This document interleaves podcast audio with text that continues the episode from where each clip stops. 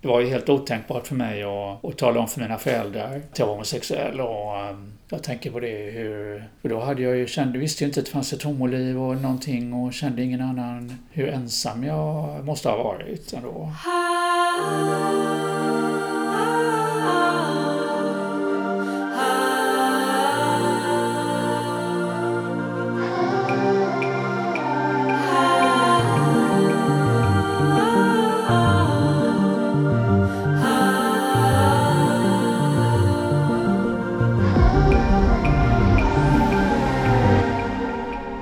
Jag heter Palme Lybrant och du lyssnar på Queer Story. Ett slags samtalsarkiv med olika hbtq-personer om deras historier och erfarenheter. I det här avsnittet har jag pratat med Arne Nilsson som är docent i sociologi. Han har skrivit memoaren Bög i folkhemmet och flera olika studier, bland annat boken Såna och riktiga karar som är en intervjubaserad bok om manlig homosexualitet i Göteborg decennierna kring andra världskriget.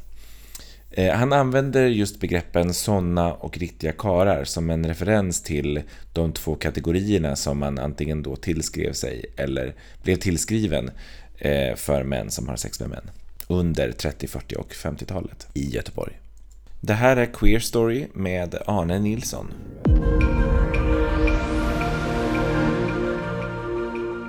Jo, eh, jag heter alltså Arne Nilsson och eh, jag är en kanske inte riktig kar, men jag är en kar.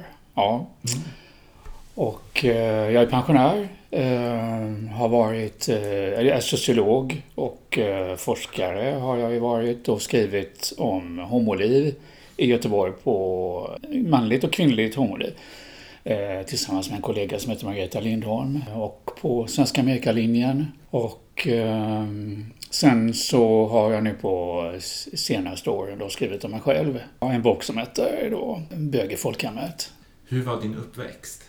Den var väldigt blandad, rolig och den blev ju jobbigare. När jag var riktigt liten och så, så var den ju mest bara rolig. Och, och, men eh, sen blev det ju jobbigare när jag inte betraktades som en riktig kille av eh, arbetar... Jag bodde i ett område där det var väldigt mycket arbetarklass då på Södra Gulleden här i Göteborg. Och eh, när jag till exempel då, eh, jag har kommit upp lite i åldern va? så att jag lekte väl en del lekar som killar gjorde. Spelade kula, puttekula som vi sa och byggde hus i sandlådan. Det älskade jag göra. Nästan hela små städer byggde jag där och sådär. Men, men jag lekte också med tjejer. Ett, ett par tjejer i samma trappuppgång som jag tyckte om att leka med deras dockskåp. Mm. Och um, jag uh, hoppade hage. Det gjorde inga killar. Vi var i arbetarklass. Ehm, pappa var väldigt aktiv eh, i, eh, i arbetarrörelsen och väldigt mån om oss barn. Eh, inte att vi skulle göra klassresor men ändå skulle få en bra uppväxt och så. Så att han tyckte det var viktigt. Framförallt han, mamman tänkte kanske inte så mycket så. Hon var ju väldigt varm och, och ville oss det bästa också. Men han, han var mer, kanske mer ideologisk och så.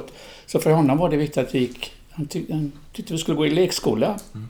Dagis fanns ju inte, var ju hemmafruar nästan allihopa på den tiden då. Och um, där var jag då, det var ingen av killarna då i, i, runt omkring mig som gick där, utan det var bara jag och så var det ett par tjejer minns jag. Men, men i, i lekskolan då var det mera medelklass och övre medelklass och så. Många, det var många, Gulleden där låg ju nära Sahlgrenska, så många lägenheter som var vikta för eh, sjukvårdspersonal, bland annat läkare. Mm. Så att där, där var jag ju då annorlunda än, eh, än eh, ingen riktig kille om man säger så. Jag lekte inte indiana cowboy, det tyckte jag inte heller om. Och uh, spela fotboll och sånt. Boll, bollsporter. Typiskt den här stereotypa bilden av bögen. Det finns ju många, många varianter av bög. Många varianter av homosexualitet. Men jag var ju mycket av den här, stämmer det mycket på en sån här stereotyp bild.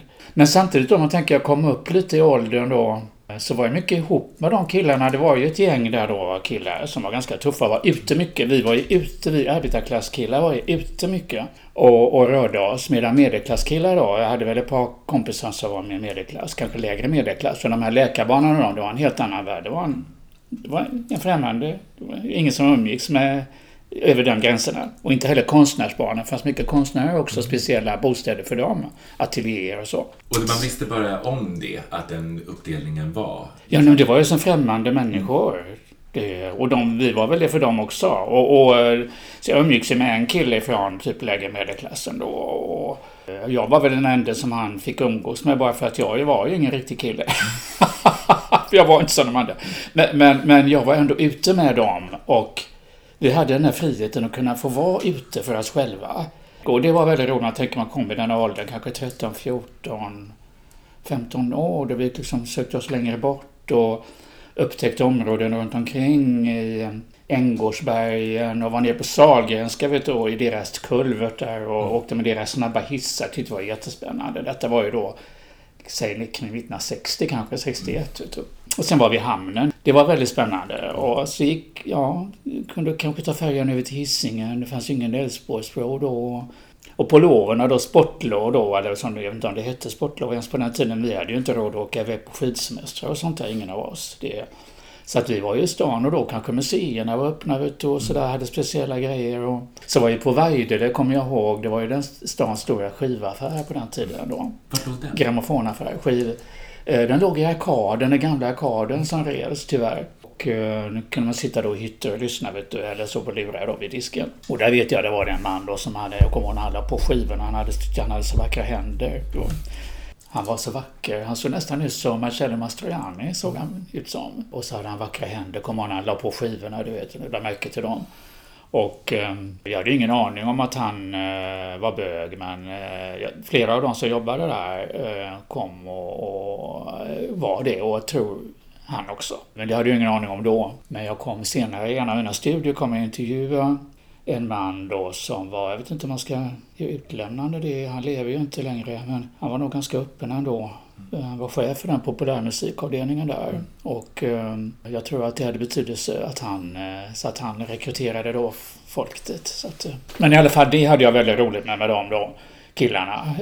Upptäcka staden och så. Men sen så var det ju ändå så att jag, att jag kom längre och längre ifrån dem på ett annat sätt. Alltså, i småskolan, jag gick i det gamla skolsystemet, där, det hade stor betydelse med faktiskt att jag kunde komma undan dem faktiskt ändå. För att det var ändå så att jag inte var en av dem ändå. Och sen gick jag i folkskolan, men det var inte på Guldheden för då hade inte den här nya skolan blivit färdig på Guldheden. Så att då gick jag i Göteborgsskolan som låg lite ner i stan. Dels var det en pojkklass och det lite tufft.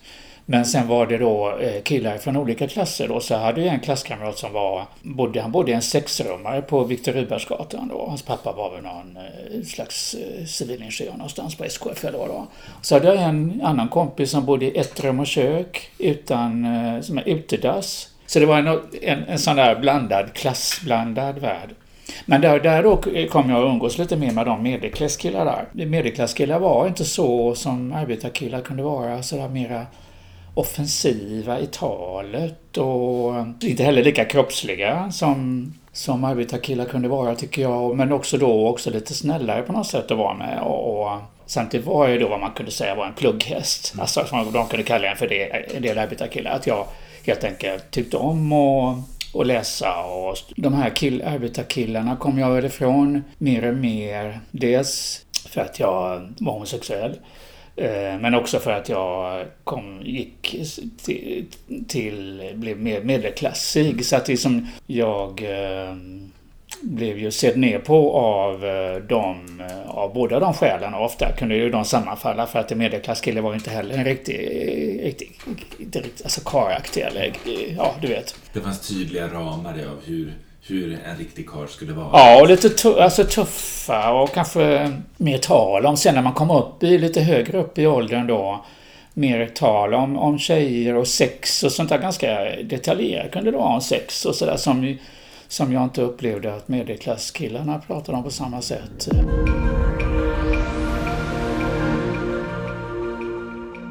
Ja, Efter sjätte klass då så sökte jag till realskola. Och då sökte jag till Samlarverk där jag- För jag ville gå till... Eh, de flesta läroverk var väl könsåtskilda. Det var speciella för flickor, speciella för pojkar. Eh, Hvitfeldtska var pojkar och Vasa också pojkläroverk. Och men Burgården då, Burgårdens samlarverk var i samma skola och det kände jag att där skulle jag trivas bättre då med. Där det var både tjejer och killar. Mm. Så att eh, där trivdes jag väl eh, bra. Och så kom jag också ifrån området då mer, ännu mer längre från Guldheden då. Och från de killarna. Och sen sökte jag till, i samma läroverk då, sökte jag sen till gymnasiet. Mm. Och där blev det ännu färre killar. Vet du, det var kanske bara jag gick på sån allmän social linje som det hette. Och där var ju eh, i alla fall två tredjedelar av klassen var tjejer. Samtidigt då som i skolan då så blev ju också heterosexualiteten mer och mer, alltså även naturligtvis oavsett om det var läroverk eller inte så blev heterosexualiteten och förväntningar om det mer och mer påtagliga. Så att, eh, och hur förhöll du dig till det? Alltså, det finns en förväntan som är? Så att... Ja, jag märkte det ju redan då i i realskolan då. Då kunde det vara sådana här danser, du vet, i uh, skoldanser. Och hur gammal är du då? Hur gammal är jag då? då, då jag började där då 61, 64. Mm. 13, 14, 15. Och och eh, skoldans. Och då, det var ju liksom, då drogs ju liksom de här eh, stora dörrarna mellan killarnas alltså och tjejernas gymnastiksalar isär och så var det något band som spelade. Nej men då blev det ju då ett, eh, att man skulle dansa och sådär och jag blev bara alldeles stel av detta då och, och tjejer kunde ju dansa med varandra och så eh, bugga och sådär. Men annars var det ju typ sådana här vad det kallades för foxtrot kallades det liksom att man, ja, killen skulle föras och sådär och jag blev bara skräckslagen och, och var rädd att någon tjej skulle få för sig att jag var intresserad av henne eller ja, du vet, på det viset. Men ändå ville jag vara där, för jag, var, jag har alltid varit där jag ville vara med. Ville vara med, liksom inte vara utanför.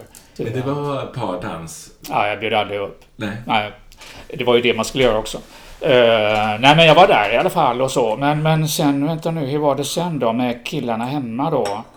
Jo, men det var ju också så då att vi, när jag var med dem hemma då så kunde jag vara, vi var ihop och ibland ett tag så var vi ihop då med, hemma hos en tjej som bodde nere i Krokslätt nedanför Guldheden. Och när hon var ensam hemma och så, och så um, hade varje kille sin tjej då och jag hade henne liksom, eller hade. Alltså, mm. ja. Och uh, jag gjorde, ville alltid någonting mer än kramas. Mm. Uh, hon var jättegullig. Och uh, det kom väl fram på något sätt, jag vet inte, det var ingenting som sades till mig men jag deltog ju aldrig i de här killarnas prat om tjejer och sådär och visade inga tecken på heterosexualitet om man säger så. Så att eh, en gång så, nu stod det här, jag och så några stycken i det här gänget då, stod mellan vårt hus och huset mitt emot. Det var någon sån här buskage av såna här dvärgtallar, vet inte varför. Ibland, ibland höll vi bara till, liksom mm. bara stod och pratade. Och då så sa han ledaren då för det här gänget då att Nej Arne, nu tycker jag du ska erkänna att du är en jävla bög. Och eh, jag visste inte vad jag skulle säga. Jag var bara tyst. Och eh, svalde det, mm. kan man säga. Och de andra runt omkring, de var där också liksom ja, lyssnade och förväntade sig ett svar. Ja, eller vad han sa, det var ju viktigt i alla fall för dem och sådär. Och det gjorde ju då att det var ju aldrig någonting som det pratades om mer. Men jag drog mig undan dem då ännu mer kan man säga. Så att då eh, kom jag att gå till biblioteket mycket mer än vad jag gjort tidigare då. Det blev liksom en tillflyktsort för mig. Och och var mer för mig själv då där när jag var hemma på Guldena. För då visste jag ju, eller såg, visste och visste, jag såg mig själv som homosexuell. Då, även när han sa, sa detta. Den här. Men det tog väldigt lång tid innan jag erkände det för mig själv. Och hade du ord för det då? Att det liksom var just homosexuell? Eller ja, det? ja, det hade jag. Mm, det hade jag. Men jag vet inte riktigt hur de orden hade kommit till mig och sådär. Det, jag förstod ju det i den åldern också då, eller i de åren då kan man säga att man jag kommer ihåg på Valhallabadet såg jag en man som... Det var ju såna här separata herr och pojkavdelningar men så stod dörren öppen där en gång till herrkorridoren. En man stod där och telefonerade naken då. Och jag tyckte han var attraktiv och, och sen såg jag honom med en annan man då, ofta gick ner. De bodde nog uppe i Anneberg tror jag i hans ålder. De kanske var i den, kanske han var 30 år då eller mm. sånt där. Och jag kanske var 15, jag vet inte riktigt. Och, jag tänker du beskriver ju många gånger i boken att du är väldigt bra på att identifiera, ja men som han i skivbutiken och så. Ja, ja men det var ju en känsla. En och sån... man är bra på att blicka Sensibilitet. Mm. Ja, absolut. Det, och jag förstod ju att det var något särskilt med de här två männen som var ganska lika varandra också på något sätt i klädsel och så, som ofta bögpar blir. Mm. Eller, eller par överhuvudtaget. Och sen på Gulledens vattentorn var det faktiskt så att där finns ju ett café. Så där var vi ibland, eh, vi killar då. Och eh, Sen övertogs det då av, några, av någon och så var det några män där då, ett par stycken som jobbade där och jag tänkte det var något särskilt med dem. Vi hade ingen aning om då, men senare så startade han Göteborgs första kommersiella gayklubb, Scotch Club som den hette. 1966 eller vad det var. Sen har vi hört också att de hade partys och bögfester i det här eh, kaféet då på Vattentornet. Så, så att, men det har ingen aning om. Men, jag, men det var någonting särskilt med dem då. Och ehm, ja, jag fick sådana ehm, känslor för dem. För i den här tiden så är det inte heller som att man pratar så mycket om det i samhället eller att det finns eller alltså homosexualitet överlag. Så det inte som Nej, det, det var det ju inte. Nej. Det var det ju inte. Det, jag, jag förstod ju det när jag var, eller jag förstått i efterhand, att eh, min mamma hon kunde ju sjunga, det hade jag ingen aning om, det vet jag inte om hon hade en aning om heller. Hon sjöng ju den här eh, Karl Gerhards sång från 20-talet eh, till och med, den här jazzgossen. Mm. Och eh, jag hade ingen aning om hur mycket hon visste om Karl Gerhard och så. Men, men, sen så, också när vi var små så sa hon Akta dig, akta er för fula gubbar. Mm. Och det var det ju, det vet jag i efterhand då, att, att det var ju då på 50-talet i Göteborg så var det ju, och även i Sverige i stort då, de här, det var ju Haijby-affären och Kane och såna så kallade skandaler då. Och i Göteborg så fanns det också sådana här lokala så kallade skandaler då med någon på Liseberg och som var ihop med unga killar då någon på Göteborgs-Posten, en redaktör där och som bara blåstes upp. Och så i parkerna så gick det, eh, gick det polis eh, tillsammans med barnavårdsnämnd och eh, jagade bögar då, som mm. pekade ut då bögar i parkerna. Så. Och, Som för en traditionell häxjakt. Ja, det var det verkligen. Och, och det var ju så då också att visserligen var det en avkriminalisering 1944 men åldersgränsen blev tre år högre, 18 år istället för 15 då, som var hetero. Så att det var det som utnyttjades då. För att jag såg någon utredning också som, av killar då som eh, gick för att tjäna pengar på bögar. Eh, killar från ungdomsvårdsskolor och sånt. Och det var väl genomsnittsåldern var de 17,6 år tror jag. Men då det var det ju kriminellt. Det är fortfarande sjukdomsklassificerat? Ja, det var det ju dessutom. Dessutom, ja. Mm. Men det var väl, det, det fattade jag ingen aning om då vad fula gubbar var för någonting. Jag tänkte, vad man väl sett. Det var ju en och annan i arbetarklassen, en och annan pappa som kunde komma hem Vet du, jobbade man på lördagar när jag var liten vet du.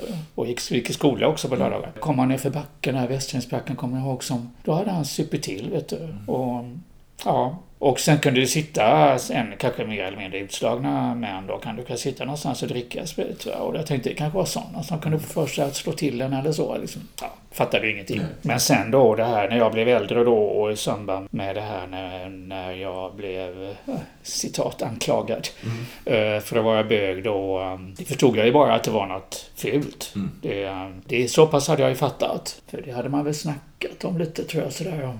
Killar hade varit nere och träffat någon bög vet jag på... Eh, som, de tyckte faktiskt synd om honom, någon bög på Järntorget som berättat om sitt liv. Och, men det var ändå homofobiskt var det nog ändå stora, stora hela.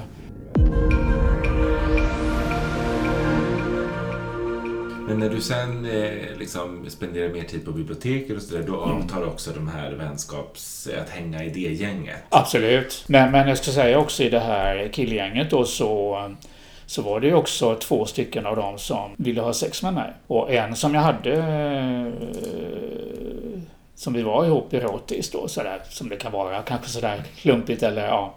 Eh, och eh, den andra då som eh, ville ha det med mig. Jag ville inte med honom av någon anledning. Jag tyckte han var attraktiv och sådär. Men eh, jag tänkte det att eh, Nej, då kommer han att tala om det för de andra och då kommer han att vara en riktig kille och jag kommer inte vara det. Ungefär som sådana riktiga karlar liksom. Så att jag... Nej, jag, jag han, han, försökte i alla fall. Mm. Men, så det var intressant då vad de kunde... Alltså apropå deras då sexualitet som kunde vara så... Men de var inte bögar, men de, ja, de var lite, de här riktiga karlarna. Det var ju lite det här mönstret med sådana riktiga karlar som jag såg i den här studien. Eh, som jag eh, skrev om i den här boken som heter just sådana riktiga karlar som handlar om manlig homosexualitet, där 30 till 60.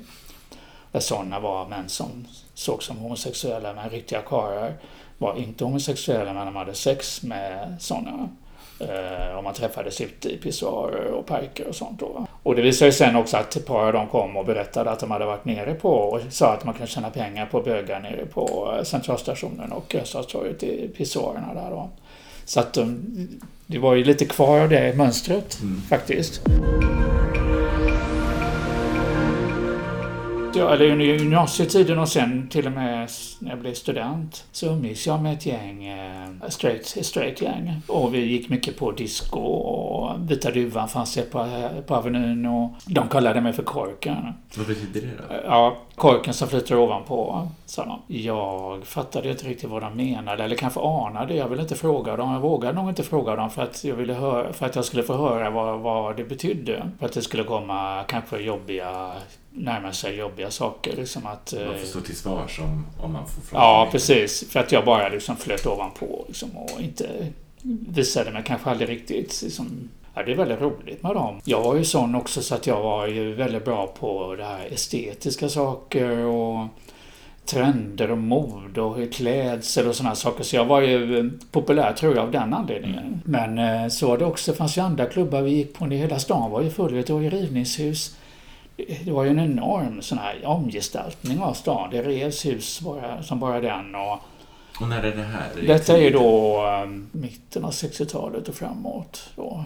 Och uh, då var det ju jättemånga rivningshus då, och så kunde man ha korta kontrakt. Och det var, dels var det jättelätt att få lägenhet uh, och dels så låg det klubbar ofta i många hus. Och, och nere i Nordstan då, hela det så här hemska köpcentra som är där nu, det, det stod ju också då och väntade på rivning. Och där i alla fall så fick jag för mig att det var en kille där som var, han kanske var homosexuell. Men han var väl ungefär som jag, samma kropps liksom. Och, och inte särskilt sådär karakarig och eh, jag såg aldrig ihop men såg inte ut att vara liksom eh, ute efter tjejer och sådär. Och eh, honom såg jag ju då på den tiden så var ju någonting som hette Gumpers hörna. Gumpers bokhandel låg på hörnet av Östra Hamngatan och Södra Hamngatan vid Brunnsparken. det var en mötesplats. Många vi ses vid Gumpers hörna. Ja, kanske man skulle gå på bio eller sånt där. Och sen fick jag se honom stå där. Jag såg honom flera gånger stå där på hörnan. Och, och ehm, så där stod jag och tittade. Alltså, sjuan stannade precis intill stans mest exklusiva herraffär då som eh, hette Silvanders hette den. Och där kunde jag ju stå och titta då bara. Titta på de här kläderna liksom. Ja, vänta ett par spårvagnar bara för att se, se vad han hade för sig. Och eh, han bara stod där. Och så kom jag på då att han eh, eh att det låg då två underjordiska toaletter där vet du, med herre och dam toaletter och att han tittade åt det hållet fick jag för mig. Och eh, men då kom jag på det här med vad de här killarna hade pratat om toaletter. Då. Men en kväll då, så efter jag var på klubb då, jag drack lite öl, du vet, brukar man göra och så. Då gick jag och ställde mig en port där vid Gustavstorget då, så eh, kanske framåt midnatt eller något sånt där då. Och eh, då så såg jag ju att det då, här var ju stod ju bilar där vet du, med strål, med, ja, inte strålkastarna på, men riktade då mot mot muren då, det sociala huset, för där låg det inbyggd en toalett, en pissoar. Då. Jag hade ju sett, kunde ju se på dagarna också män som gick på trottoaren där som liksom från jobbet då kanske vid femtiden och sånt där och så bara slank in där i den där. Men um, så jag ställde mig en port där i alla fall då och um, så kom det en man eller kille då som var väl några år äldre än jag och fram och frågade om jag ville följa med honom bort till hamnen. Ja, sa jag liksom och tänkte Ja, jag visste liksom inte vad som skulle hända riktigt. Det, så vi gick vi där ut med den här tomma Västra Hamngatan då bort till eh, tullhuset då vid Packuskajen där då till en stor rund pissoar. Och då sa han eh, Ja, du vet vad vi ska göra? Nej, jag vet inte, jag tror inte jag sa nej ens men, men om jag sa det nej eller ja och, och så knäppte han upp byxorna på mig och så runkade vi av varandra och så stack jag bara därifrån liksom. Dels i något slags blandade känslor att det var skönt och äckligt på en och samma gång. Det, men sen dröjde det lite länge utan jag ställde mig där igen då. Då kom han igen i sin bil då och så åkte jag med honom upp i Delsjöskogen och så satt vi där och runkade av varandra. Det, ja, det var lite... Jag var ju rädd på något sätt, eller rädd för att ge mig lag med... Jag var ju kåt naturligtvis och så, men, men samtidigt det här med bö, alltså bögar var ju fult, det var ju fult va? Jag vet, eh, för du, du berättar i boken att du minns väldigt tydligt när du erkände för dig själv. Ja. Mm. Du berättar lite om det. För jo, det, det var ju... samtidigt? Eller uh, liksom... Nej, detta var... Nej, när jag erkände för mig själv. Det var mm. tidigare. Mm. Det var det. Det var ju då när jag var i biblioteket. Mm. Uh, gick till biblioteket så till slut någon dag då, det tog väl en kanske fem minuter att gå från biblioteket hem till mig då. Och uh, då minns jag så väl och exakt den platsen. Och det var precis vid en liten bergknalle, kommer jag ihåg. Så såg jag gaven på vårt hus då framför mig. Så till mig själv, nu måste du faktiskt erkänna själv att du är, det går, liksom, det går inte att komma undan, du är, du är homosexuell. Och det var ju helt otänkbart för mig att, att tala om för mina föräldrar att jag var homosexuell. Och um, jag tänker på det hur... För då hade jag ju kände, visste ju inte att det fanns ett homoliv och någonting och kände ingen annan hur ensam jag måste ha varit ändå. Och det här då att inte, att inte ha någon att säga det till, inte ha någon att prata med dem och så. Det var ju... Jag lärde mig väl att svälja att um, den här ensamhetskänslan och sorgen. Det var ju verkligen dubbelliv. Och, och jag lärde mig att hålla isär sådana här liv. Det blev jag ju väldigt bra på. Hela mitt, mitt livsförlopp har ju varit väldigt mycket styrt av det tror jag. Kille, arbetarklass och homosexuell. Och eh, att jag lämnar, och det har jag sett studier, andra studier av också, att många homosexuella män lämnar, som är uppvuxna i arbetarklassen, lämnar den och eh, precis som jag. En del rörde sig säkert klassmässigt upp, uppåt som jag gjorde också. Men andra som kanske inte gjorde det, de kanske gick till, som på Amerikabåtarna då, gick och blev uppassare på, på, på eh, restauranger och alltså typ tjänstearbeten. Alltså man, att man undvek de här heterosexuella mansjobben eh, i arbetarklassen. Typ på verkstäder, varven, eh, bruket, sågen. Det såg jag ju i den Amerikabåtsstudien. Det var ju inte ovanligt att man vuxit upp då var ju Sverige mycket mer landsbygdssamhälle också. I Sverige, industrialiseringen skedde mycket i Sverige.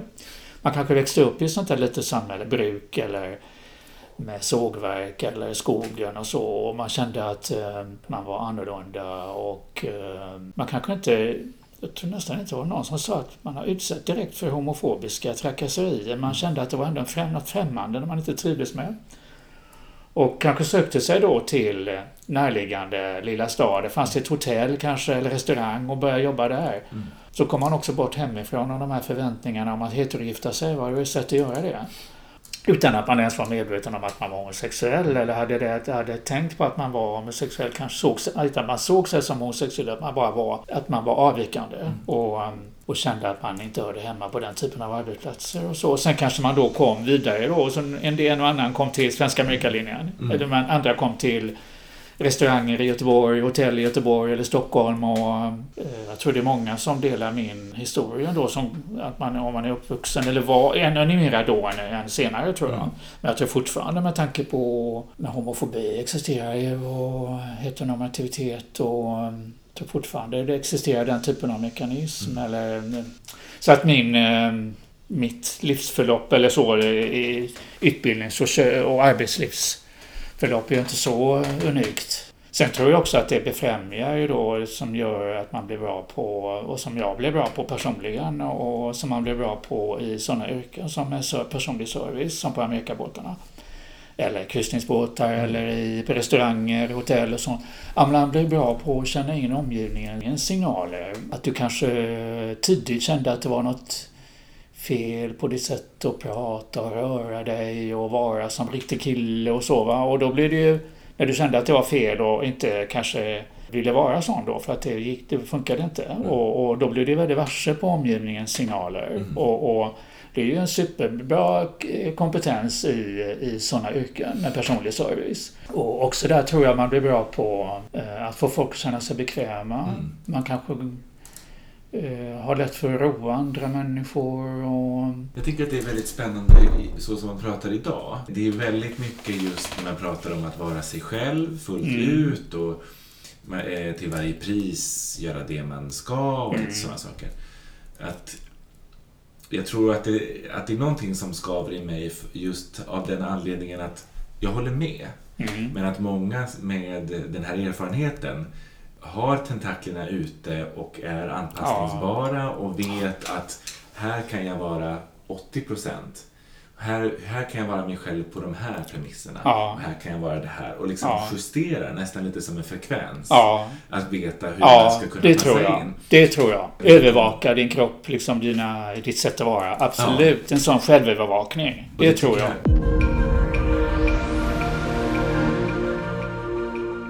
Vad var vi inne på nu? Att du började komma in lite på eh, de här mötespunkterna i stan. Just det. För homolivet. Just det.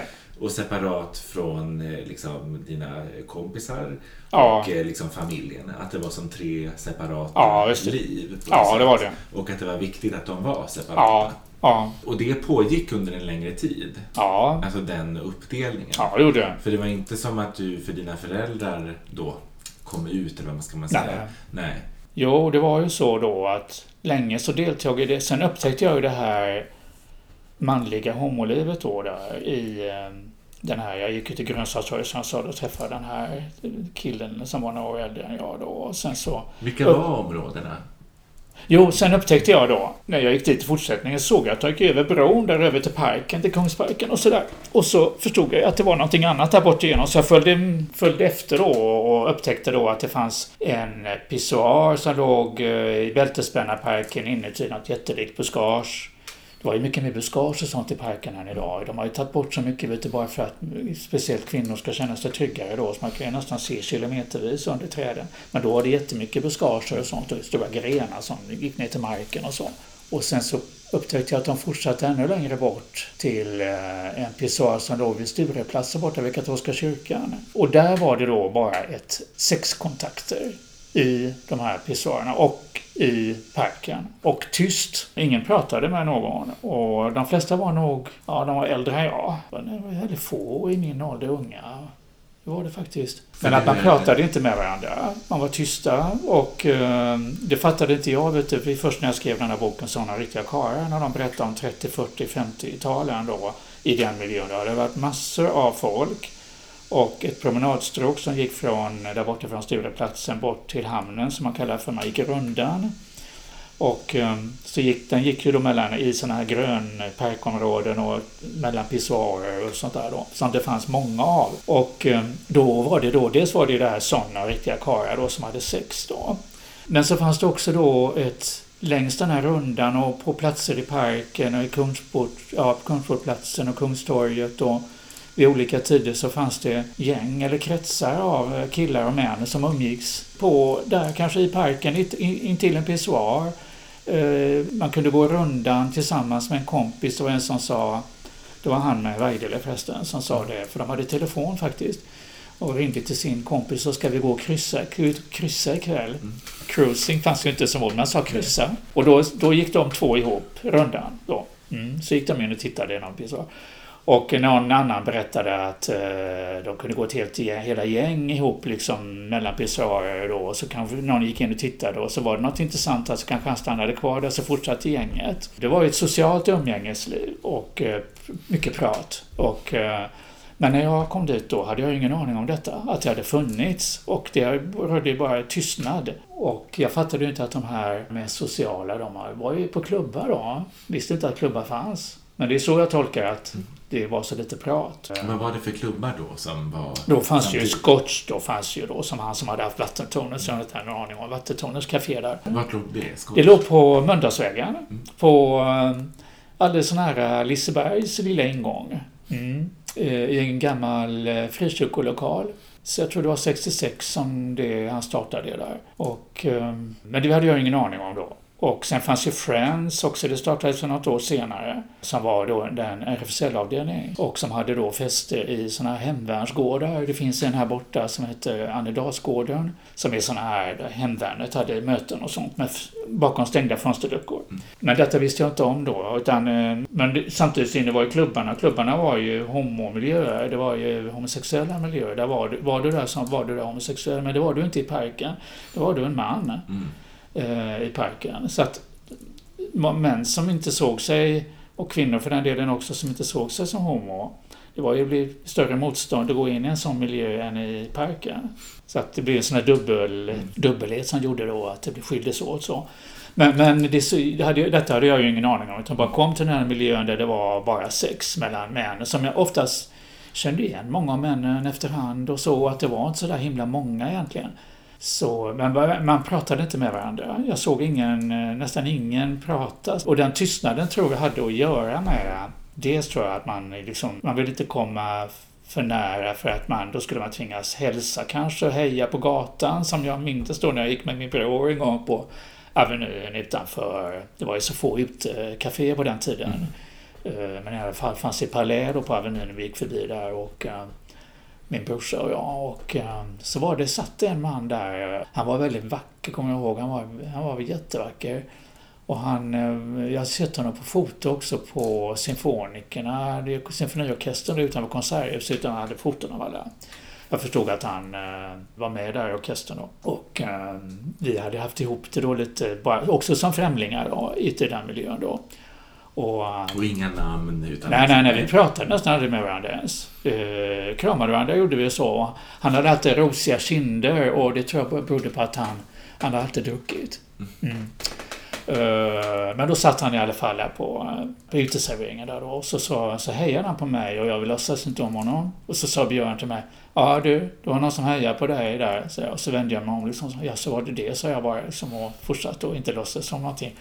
Och, ehm, för det bröt, han bröt mot den där outtalade överenskommelsen som jag uppfattade också utan egentligen ha, ha verbaliserat egentligen för mig själv. Men att det fanns en sån att man gjorde man hejade inte på varandra när man möttes på stan så. Och, eh, men det var en anledning tror jag att man var tyst. Och även vid de tillfällen där jag var hemma och sånt, det hände att man kom, följde med någon hem faktiskt. Då ville jag, jag tittade aldrig på vad han hette eller något sånt där. Och ofta var det väl lite mörkt också att man kanske inte ville att sådana här personliga saker, för det skulle vara mötet var opersonligt. Man skulle inte komma för nära varandra. Jag tror det ingick. Satte sådana här släktfoton och sånt där. Nej, det var liksom aldrig... Och väldigt lite tal. Det var liksom sex och så iväg liksom. Mm. Eh, men jag tror också det här att det handlade också om eh, just det här mötas på natten då i mörkret. Liksom att det var, för då kunde man Alltså en fördel med det var just att man kunde skapa sådana fantasibilder av varandra. Och ja, man möttes ju i verkligheten men liksom just att det gav det utrymme för att skapa fantasibilder. Och det tror jag också det handlar om.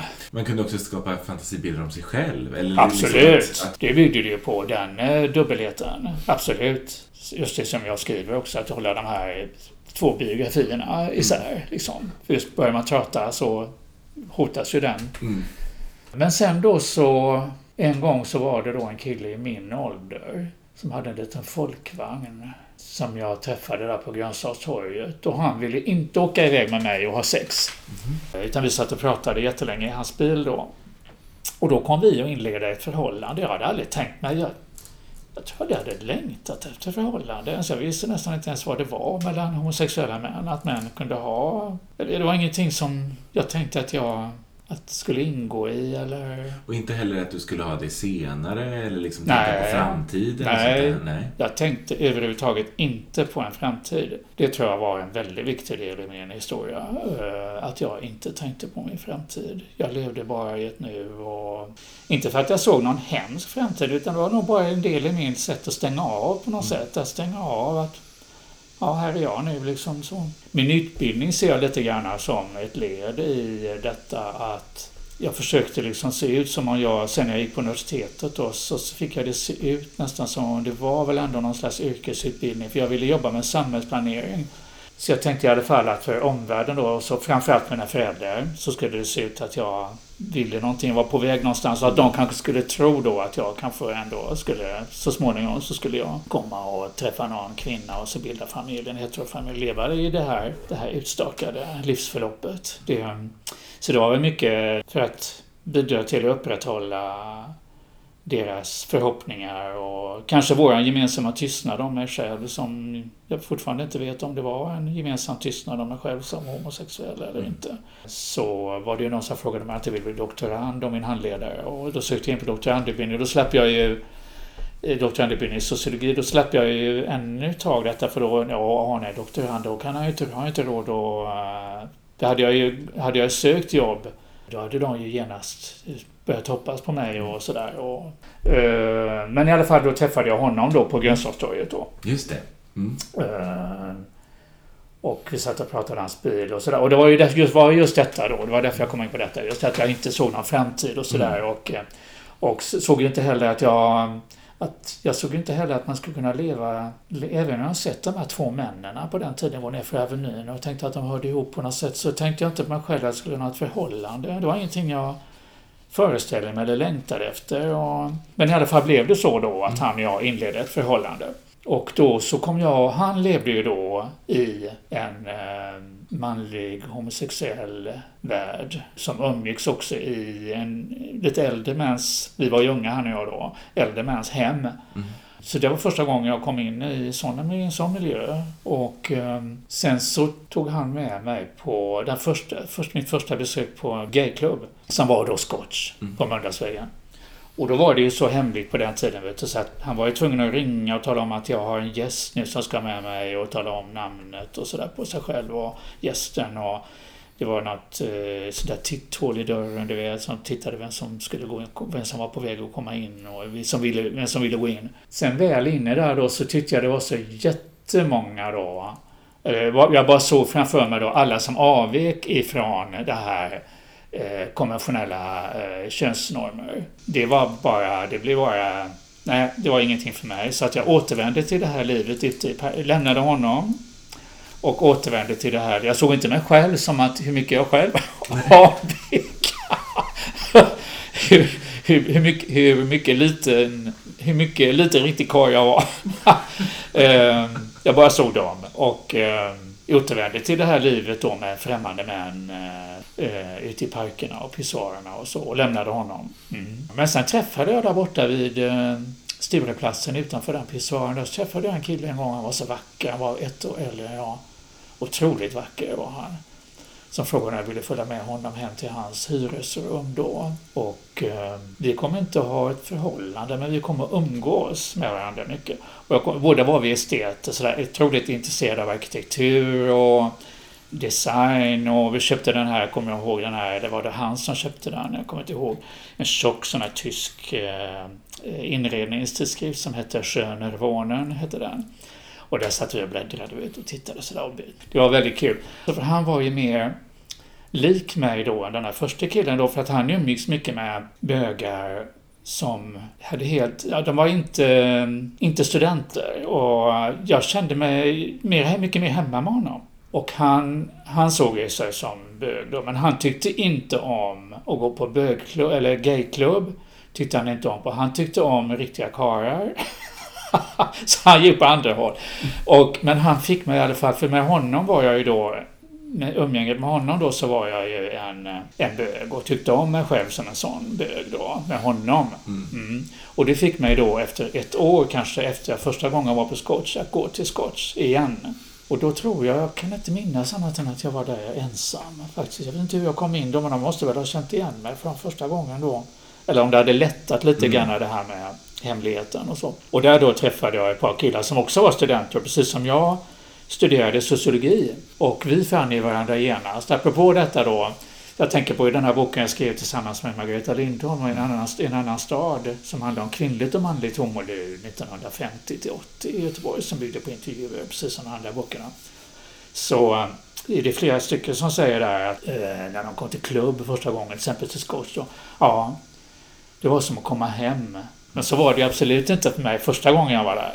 Men andra gången var det det, då när jag träffade dem. För att då hade vi den där någon slags det där med det akademiska eller någonting med min, vad jag kände att jag hörde hemma i för slags värld. Och, och, och, vi pratade väldigt mycket, vi älskade socialpsykologi och pratade mycket om oss själva i socialpsykologiska termer. Och, och jag kom och, vi kom att gå ut mycket tillsammans då på Scotch. Och sen så började en av dem då och jag, vi började prata om att dela lägenhet ihop då. Och han var ju, han gick ju samtidigt, han var ju otroligt ambitiös den här killen ambitiös, alltså väldigt man säger, företagsam och presenterade sig själv på ett väldigt sådär, ska säga medelklassigt sätt. Han var i stånd att iscensätta sig också. Och, och, så han hörde sig för då hos eh, folk som hade stora gamla våningar. På den tiden fanns ju nästan inga bostadsrätter i stan. De flesta lägenheter var hyreslägenheter. Men så blev det denna på Sveaplan då. Och det var ju tack vare honom då, hans presentation av sig och sådär. Och så hans framåt. Jag blev bra att hålla mig i hängnet av sådana människor. Det, En sida av korken kanske. Mm. Ja, flytta med liksom. Du vet.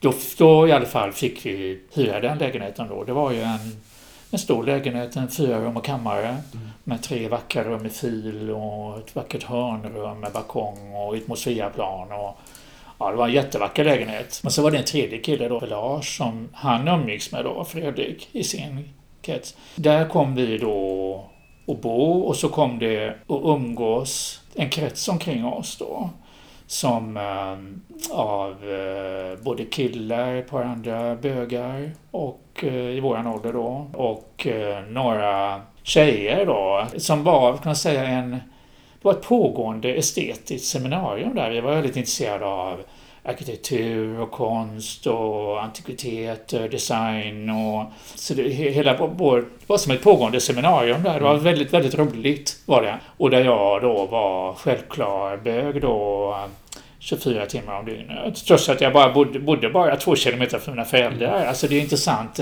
Jag tänker, jag levde ju mitt eh, bögliv här och mina föräldrar hade ingen aning om detta livet. De var väl på Sveaplan var de en enda gång där.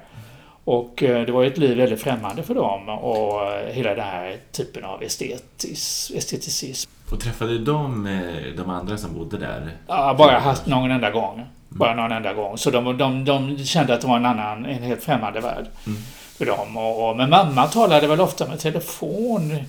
Gjorde hon, kunde hon göra och sådär. Men de var aldrig, nej det var något främmande för dem. Det, men jag kunde ju då leva ett liv i här bara ett par kilometer från dem som helt och full bög 24 timmar om dygnet och vecka ut och vecka in liksom mm. och, och, i den här världen. Och jag behövde inte flytta.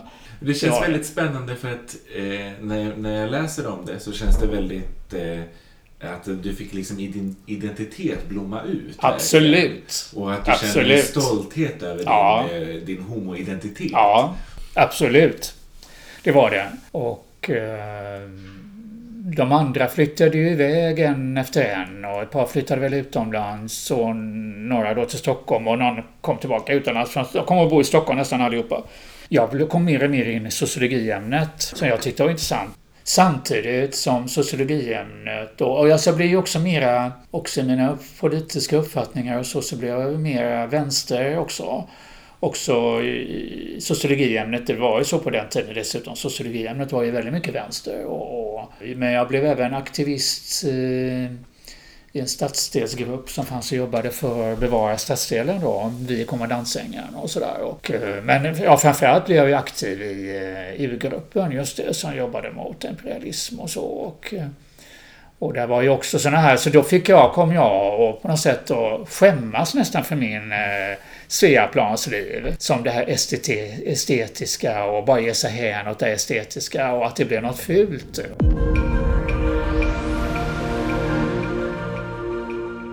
När jag bodde på Sveaplan då, då var jag ute och vi hade ju väldigt roligt, hon, en av dem som kallar för Stella i boken då. Och vi hade väldigt roligt ihop. Vi åkte rullskridskor runt om på stan, det gjorde ju ingen annan då. Och eh, liftade ner genom Europa, åkte tåg och åkte upp till, kommer jag ihåg, till Sankt Moritz och åkte skidor där på sommaren. Det fanns en glaciär då man kunde åka på, den går inte åka, finns det inte längre. Och, eh, och så liftade vi vidare där och hade väldigt roligt. Hade vi ner till Italien och Schweiz, ja, och sen upp hem igen genom Tyskland då. Lyfte. då det var hur lätt som helst att lyfta. Och sen så liftade jag ensam sommaren därpå också ner genom Tyskland. Och så då, då, då, just det, då var i Berlin för mig själv, jag kommer ihåg. Jag träffade en kille där, just det. I, jag visste ju detta, hade ju talas om Tegarten, att man kunde, det fanns mötesplatser. Så jag gick dit och träffade en kille där och så frågade han, han jag bodde på Vandrahem då.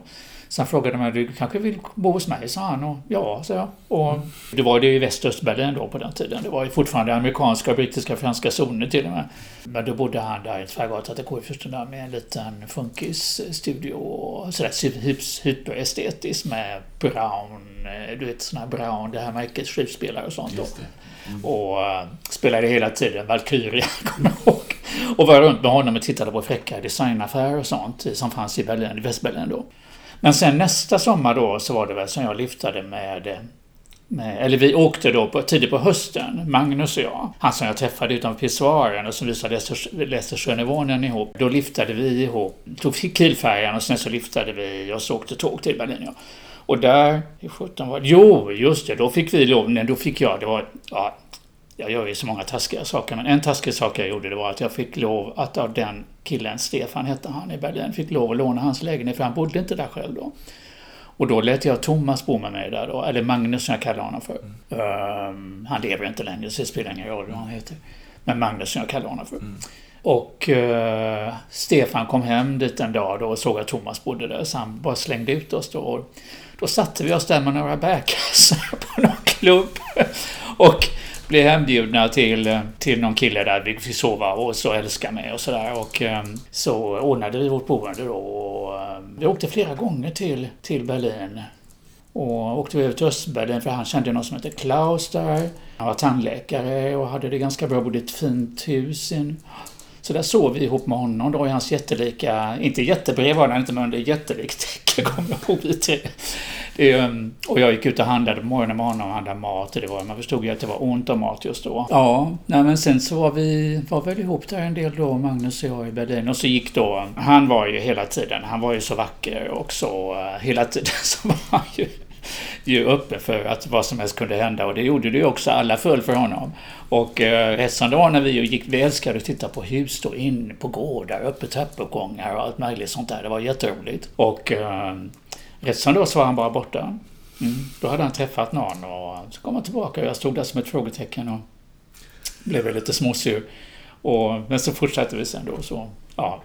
Ja, vi var vänner ända tills han dog faktiskt. Han blev faktiskt mördad. När var det här? 96. 96. Mm. Uh, han levde ju, han tyckte om män och ofta var män som såg farliga ut till och med. Mm. Och ibland var de ju farliga då. Och det här var en sån man. Mm. Mm. Han åkte mycket mer än jag. Ut Frankrike, Marocko, Turkiet, Grekland och då på den tiden. Det, hela tiden träffade han ju män då. Fåraherdare i Marocko, munkar i mm. Grekland och uh, champagnetillverkare i Paris och ambassadörer i Rom och prinsar i Rom. Och Alla föll för honom. Han var så otroligt uh, tilldragande. Så. Men, ja. Men det var väldigt roligt att resa med honom. Ja, det var det. Och hitta på allt detta. Jag råkade aldrig illa ut för någonting. Så man, Ibland kan man höra folk säga men gud, jag vågade det. Och som jag, även när jag åkte ensam då tidigare i München träffade jag någon där, gick till Park, jag vet den, Englische Garten heter det. Och bara träffar, träffar främmande män och får sova hemma hos dem. Och hade tanke på att någon skulle göra mig illa. Det hade jag aldrig en tanke på. Nej. Och aldrig varit med om det heller. Det kanske haft tur. Ja, jag hade ju läst sociologi då och, och var intresserad av det här med samhälle och rum kan man säga. Det sociala och rummet, platsen. Rummet är viktigt där, rum och plats. Eh, för våra liv och, och eh, identiteter och allt möjligt. Eh, men sen så var det ju så att en, en när jag skrev min, som det hette på den tiden, då trebetygsuppsats, då den här C-uppsats heter det väl? Nu vet inte vad det heter mm. nu för tiden. Jo. Det handlar om bostadssegregation. Frågan, ska du inte söka in på doktorandutbildningen? Frågade han, min handledare mig då. Och då var det faktiskt begränsad intagning tror de tog in fem stycken på ett år eller vad det var. Mm. Så jag kom in i alla fall då och eh, det var ett bra sätt så att säga fortsätta det här och slippa ta ställning i mitt liv. Liksom att ställa mina... Alltså att inte behöva söka ett jobb och som jag sa förut. Mm. Hur gammal är du här? Då är jag 73, eh, då, då är jag 25 ja. Mm. Ganska ung att doktorera, tänker jag. Nej, nej, nej. Alltså började. Sen det tog det ju en evighet innan jag doktorerade. Men, men... Um, nej, men så det var jag intresserad av. Men sen kom jag in i den här miljön då, då det var väldigt strängt. Det var ju samtidigt roligt att läsa kurser där och så och ja. Men och var det där du träffade Margareta Liksom vi som vi har jobbat med? Ja, Nej, det blev långt... Jo, vi träffades här sen, mm. men långt, långt senare. Hon är mycket yngre än jag. Då var det ju 90-talet, du vet, och början, mitten av 90-talet och då, först då började ju...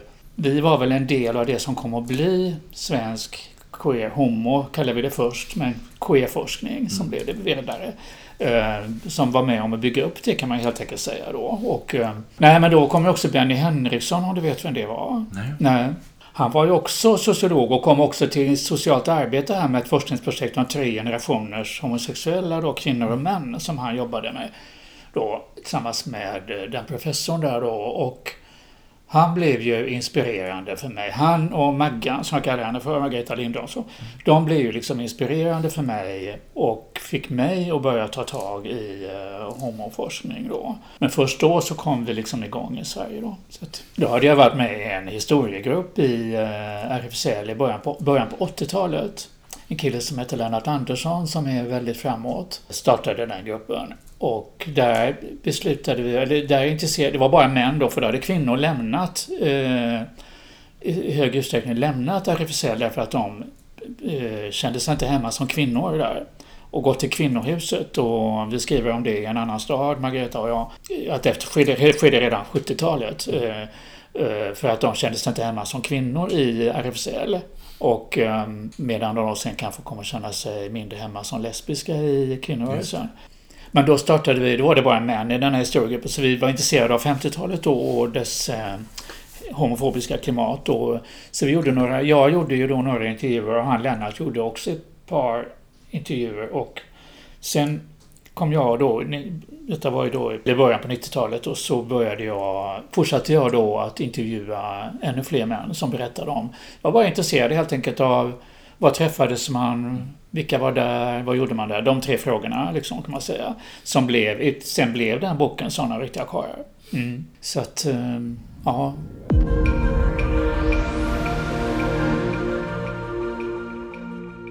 Hur, ehm, då, 79 så sker ju den här ehm, demonstrationen i Stockholm mm. och det, mm. det sker många olika aktioner för att kunna få, mm. få bort den här sjukdomsklassificeringen. Mm. Eh, märkte du liksom någon skillnad före och efter det? Kan du se någon liksom i, i ditt liv här? Eller nej, så? nej. nej. Alltså då levde jag i ett parförhållande. Mm. Och eh, jag var lite aktiv då på RFSL. Var med och göra det. Vi var någon sån här lokalt medlemsblad, du vet här i Västsvensk, Västsverige då, de olika RFSL-avdelningarna. Då var jag och en till som skötte om det där då. Att det, folk skickade in material, du vet, och så. Om oss i väst heter den, just det. Eh, men jag var inte alls... Eh, jag bara läste om detta. Mitt liv, då, mitt personliga liv var väldigt lite i eh, gayvärlden faktiskt, förutom, förutom RFSL-aktiviteten då. Men, men det var inte så att jag kände att, jag deltog inte så att jag kände en sån förändring och det var nästan någonting som, inte förbi mig, men, men det var ändå ingenting som jag... Jag levde i den här lilla ja, lilla och lilla, men den här lokala världen i Göteborg mm. och, och RFSL-världen då. Som jag hade en viss aktivitet i då. Nej, det var konstigt nog. Alltså inget, och det nästan ännu hems, hemskare är att... För jag levde ihop med den här mannen då, eller killen då, i, från 77 till 85 då. Att jag... Och vi kom ju, sen kom vi och, och ha mindre och mindre sex ihop. Och eh, jag kom och uppsöka de här platserna, uteplatser och sånt där, det träffställen och så.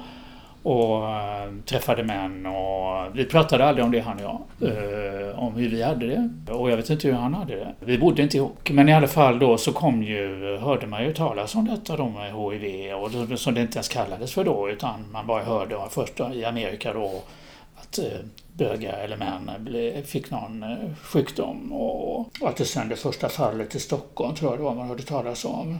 Det fanns ju ingen... Eh, man visste inte ens vad det var då. Att det, var, att det fanns ett, ett Man visste inte vad det var för virus och visste inte ens visste inte, ännu mindre hur det smittade och så. Och jag vet att då gick jag ju till, för då hade han, Charles Håkansson, hade startat en gayhälsa här som först var på RFSL och sen på Sahlgrenska. Och då vet jag att jag gick till gayhälsan där och så då fanns det ju inga tester. Utan han kände på mina... Nej men nu står det helt stilla. Han kände mina, mina armhålor i alla fall. Mm. Och om det var svullet eller inte. Och det var det det. Så man får, man kan få en infektion i kroppen. Och ja, det kan vara det, sa han och sådär. Så jag blev ju rädd naturligtvis. Och, och, men så kände jag ändå det, nej men jag har inte haft, jag har inte haft så mycket liksom sådana här, även om man kanske, då kanske man visste lite direkt. Nej, jag vet inte om man visste hur det smittade då. Men jag tänkte ändå att jag hade haft, inte haft sådär avancerad sex liksom, så att jag låg sådär i, i riskzonen. Och, så att jag blev kanske inte så oroad av det skedet. Sen så hade jag aldrig hört talas om någon i Göteborg som fått det. Mm. Som var smittad och det var ju så tidigt också. Mm. Eh, men ni var fortfarande tillsammans då? Du och den ja, andra personen? Ja. Men 83, det var då började jag med en terapi. 83. Och de, det var under de åren då, 82 och 83, då mådde jag... Då var jag så fruktansvärt upptagen av min ångest. Sån här panikångest var det ju. Och innan jag visste vad det var så trodde jag att jag skulle dö av det. Eh, så jag var ju totalt, totalupptagen av det. Mm. Så att jag tror att det var, det var en del av bakgrunden till att jag att det låter, det blir väldigt konstigt att eh, jag blir så, man tänker på eh, torka inga tårar utan handskar och, och sådär. Man, de, eh, berättelserna och så som eh, att, det, eh, att jag var så lite berörd. Det är nästan så jag skäms för det nu. Eh, och egoistisk också sådär. Men jag kände som sagt ingen när man då så tidigt i Göteborg. Va? Och, jag, och så var jag som sagt eh, så upptagen av mig själv då, eh, så jag trodde jag skulle hade en livsfarlig sjukdom. Ehm, men det kom ju senare, först faktiskt fram på mitt, framåt mitten av 90-talet, då kom jag att känna flera stycken som, eh, och en, och en hel del bekanta som blev dåliga och så för att det, det var så fördröjt liksom och jag tror att det är en anledning till jag tror att Göteborg låg efter Stockholm och jag vet att i början på 90-talet såg jag siffror ifrån eh, statistik va, eh, att det var nio gånger så många registrerade smittade i Stockholm som i Göteborg trots att det bara är dubbelt så stort. Va?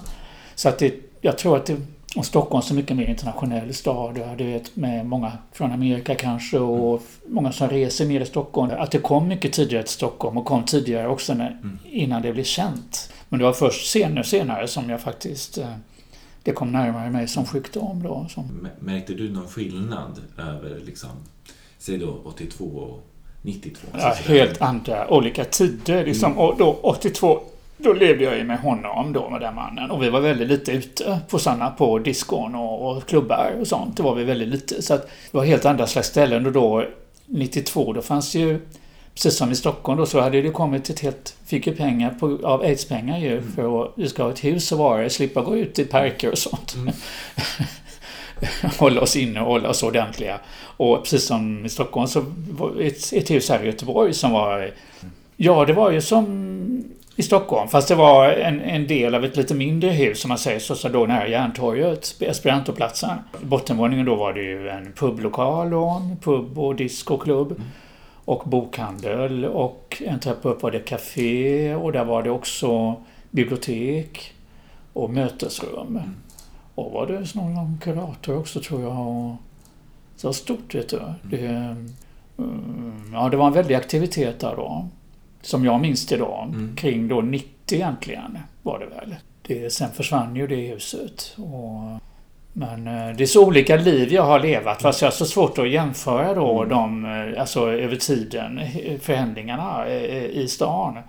Sen blev det ju mera senare när de flyttade ifrån. De var, det huset skulle renoveras och, för de byggde någon tunnel, en underbiltunnel och sånt och skulle huset renoveras och så tvungna att flytta och flyttade till Majorna. Där vet du, folk slutade komma dit för det låg för långt bort. Mm. Sen har, nu är RFSL i någon kontorshus liksom som ligger visserligen centralt men som är det är inte en sån mötesplats längre utan mer en administrativ och kan få ha lite studiecirklar och grupper kanske träffar där.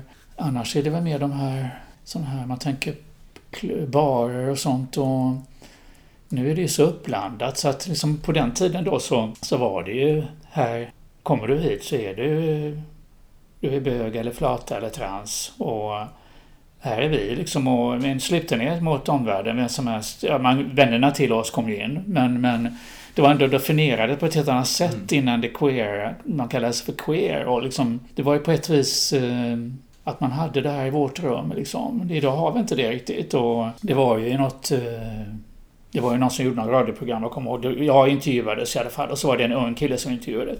Och den unge killen han pratade just om detta, hur det var, kunde vara att gå på Greta som då är ett, mm. ett queer-disco liksom och hur han... Eh, kunde då vara rädd för heterokillar som går dit med, med som går dit för att deras, fag, deras flickvänner går dit som faghags då. Tycker om att dansa på där. Och eh, han kan känna, kunde känna sig rädd för de killarna och rädd för att åka illa på gatan och, och, så. Det kände man ju inte på de gamla klubbarna. Så det, däremot så på 90-talet så fanns det ju nynazister i stan som eh, kunde attackera och en gång så var det ju nynazister där och följde efter en. Och en kille som följde efter dem. De, ja, de blev jagade iväg de två killarna och de sprang åt olika håll. Och så en kille som hade stått i kön där för att komma in på diskot. Mm. Han jagade efter en av de killarna. Och sen kom de ihop på något sätt. Den andra killen också råkade komma, ja, av någon slump antar jag att de kom nära varandra igen. Några hundra meter därifrån då. För övrigt i det huset där vi bodde i, min, min sambo och jag, där vi bodde i det huset. Men vi bodde inte där då. Men i entrén, där stack de ner honom med, det sades, jag vet inte om det är sant att det sades med lika många knivhugg som han. Västerås-killen, vet du. Ett visst antal kniv... Mm. Ja. Så han dog där, den killen då. Ja, det var en hemsk tid, det var det verkligen. Det, det, och det, apropå detta, jag nämnde detta för folk i huset. Att det skulle stå en minnesplatta där, tänkte jag. Liksom, när, när jag sa detta. Ja, här blev en kille mördad, så här utanför Söder då, ganska nyligen. Ja, det ville folk liksom inte. Man ville inte liksom bli... Det var som att huset blev nedsmutsat liksom av... Man försökte nog skaka av sig det bara. Och polisen, och sen då polisen då, eh, man går tillbaka till själva dem. Eh, de kunde stå där uppe, det var ju en gammal försvarsanläggning där mittemot också som är sen Göteborg grundlades. De kunde stå och kasta sten ner på, mot kön in mot eh, klubben där mm. på RFSL-huset. Och polisen kunde säga till oss att ja, ni, ni, ni kan ju undvika de platserna. Det var ju också, jag menar, mm. ja, det blev så konstigt. Och, men då var det väldigt, en väldigt uppragd stämning i stan. Det var det verkligen. Det, sen kommer ju det här Hamper Ramberget, du vet, som eh, Johan Hilton har skrivit om. Och de var nog inte många, men jag vet ju då när jag jobbade på Arbetslivsinstitutet då som var en efterträdare långt senare, i början av 2000-talet. Och då tittade jag på Göteborg, och Stockholm och Malmö och liksom vissa sådana här homofobifrågor. Det var ju väldigt liten skillnad som man säger Göteborg då blir känt som en då homofobisk stad.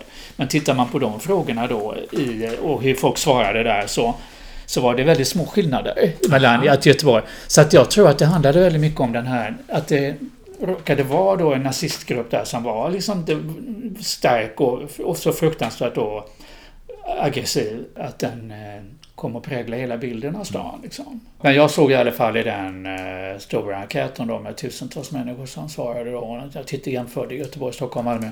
Att Göteborg var lite mer, men det var väldigt liten skillnad utifrån de frågor man kunde se det på då. Va?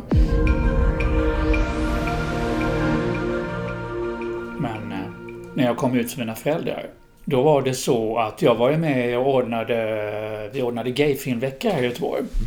1985 var väl första gången tror jag. Och sen var det ett följande år. Och då vet jag att det fanns en tidning som hette Arbetet, en socialdemokratisk tidning i Göteborg. Som de intervjuade mig och um, ett par till som var med och ordnade den här gayfilmveckan. Och Folkets Bio var det. Och um, då så eh, sa jag någonting där, jag kommer inte ihåg hur jag formulerade mig. Det har varit svårt, eller det är, har varit svårt som homosexuell, sa jag. Och min pappa hade ju naturligtvis arbetet och läste det där. Mm, klart han gjorde. Så det var ju liksom ett indirekt sätt då att komma ut. Men ett ännu mer direkt sätt, och som inte var särskilt trevligt sätt egentligen. Det var ju att min sambo, eller vi var inte sambo. Och vårt förhållande var ja, ganska svårt och, och så. Och, och han, när jag bestämde mig för att jag inte ville vara ihop med honom, eller som, som min, min terapeut sa, har ni ett förhållande? Hon förstod ju vad för liv vi hade ihop. När jag till slut, till slut sa att jag inte ville eh, vara tillsammans längre, då skrev han ett brev till mina föräldrar om eh, att jag, eh, hur sorgligt han tyckte det var att jag hade lämnat honom och så. Och eh, till saken hör ju då att han själv var ganska nära sin bror. Mm. Som han absolut inte talade om att han, vad vi hade för slags relation. Och eh, det var ju ganska taskigt mm. gjort tycker jag av honom. Kanske taskigt att säga det här nu också. Jag vet inte det. Ja. Eh, vi hade mycket som var bra ihop men han gjorde det av ren eh, förtvivlan eller ja. Men då blev det ju så liksom svart på vitt för mina föräldrar. Och ehm, min pappa han eh, eh, ville inte ha med mig att göra. Och han sa, ja det ska du veta, sa han, att det inte är hemifrån du har fått det. Sa han. Mm. Och då tänkte jag så här, ja det är väl he, familjens heder, du vet så här hederstänkande liksom. Det är skam över familjen och sådär. Men, men, eh, ja kanske det, men framförallt tror jag jag tänkte på att, som jag sagt tidigare, att han var så himla mån om att vi skulle få bra liv och det här med lekskolan och gymnasiet och allt möjligt. Bejaka väldigt mycket gjorde han ju. Och jag tror att han såg det helt enkelt som att eh, han var rädd för att han hade misslyckats. Han hade varit så mån om att fostra mig, men att han var så rädd. Han var ju homofob, men i det ljuset att han hade misslyckats. För han hade verkligen ansträngt sig om att vara mån om mig och, och att jag skulle få ett bra liv utifrån hans mm. utgångspunkter då. Och så ser jag det. det. Sen efter några år så gick det över. Så att han, han ville inte träffa mig först. Och eh, han var inte ens med heller, för det var ju också i RFSLs lokaler sen jag firade min, disputations, mm. Eh, min disputation. Och det var kanske då, 1988 var det Då var det ju eh, ganska eh, provokativt på den tiden faktiskt att göra det, ha disputationsfest. Det hade jag aldrig någon annan haft i den lokalen i Touch som det hette, det, pubens, publokalen där. Även för andra sociologer så tror jag det var lite djärvt eller ja. Men eh, pappa kom inte då. Eh, men han hade också haft problem med prostata och sådär, opererat så det kan jag ha bott på det också. Kom din mamma? Ja. Mm. Och mamma var ju inte alls... Eh, hon blev ju lite ledsen och sådär och... Eh, men det gick över och, och hon hade ju hela tiden med mig att göra och så. Men eh, jag tror också de... Kan jag tänka så... Ja, vad ska han... Vad kommer han att få för liv mm. och... Det, kanske också en oro. Men det blev bra sen. Med, sen kom jag ju leva ihop med en man i 18 år och Lennart hette han. Mm, mm. Och han blev väldigt, tyckte mycket om honom och att det tog några år. Mm. Mm. Men det var, frågan är, sen undrar jag ju också hela tiden eh, hur mycket frågan, hur mycket det var frågan om att vi upprätthöll en gemensam tystnad kring mig som homosexuell. Om de, de trodde det men ändå så ville man inte föra det på tal. Mm. Och inte jag heller. Det är en fråga jag har. Som, ingen av dem lever så jag kan inte... Kan inte skulle jag kunna, min mamma levde längst men skulle jag kunna fråga henne men det gjorde jag inte. Tack snälla du för att jag har fått prata med dig. Vad roligt att du lyssnar på mig. Superroligt att Tack så mycket för att du kom och lyssnade på mig. Ja, men tack för att jag fick komma hit.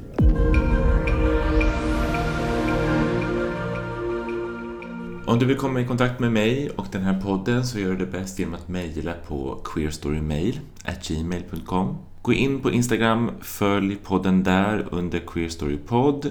Musiken är gjord av Anna Nordenström och Ilon Weide. Grafiken av Michel Hammenfelt. Jag heter Parme Rydbrand. Stort tack för att ni har lyssnat. Tack!